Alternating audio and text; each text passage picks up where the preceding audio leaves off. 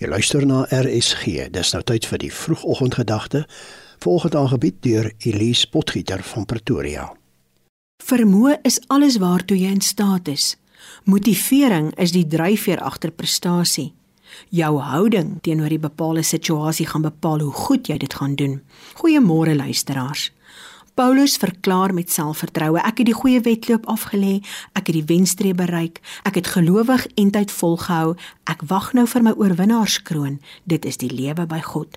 Petrus het weer op sy beurt die vereiste waaraan 'n mens moet voldoen om die wedloop te hardloop en te voltooi, mooi uiteengesit as hy sê: "Julle kan die verderf ontvlug wat deur die begeerlikhede van die wêreld werksaam is en deel kry aan die goddelike natuur." Hier is 6 stappe. Jy moet alles in die stryd werp om jou geloof te verryk met deegsaamheid.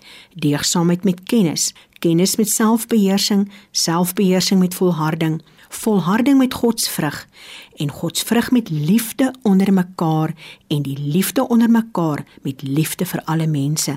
As jy dit alles besit en dit neem steeds toe, sal jy met ywer en vrug ons Here Jesus beter leer ken.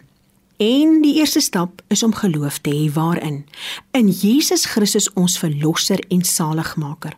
Maar geloof alleen is nie genoeg nie. Dit moet vrug kan dra.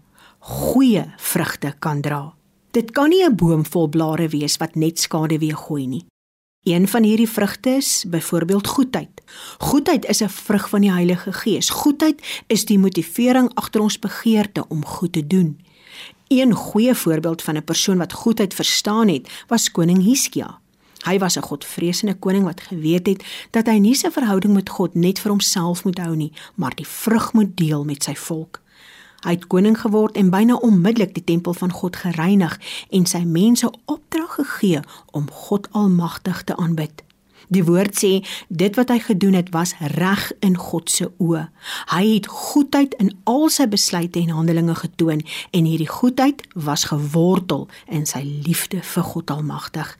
En daarom was sy hart vol van die goedheid van God.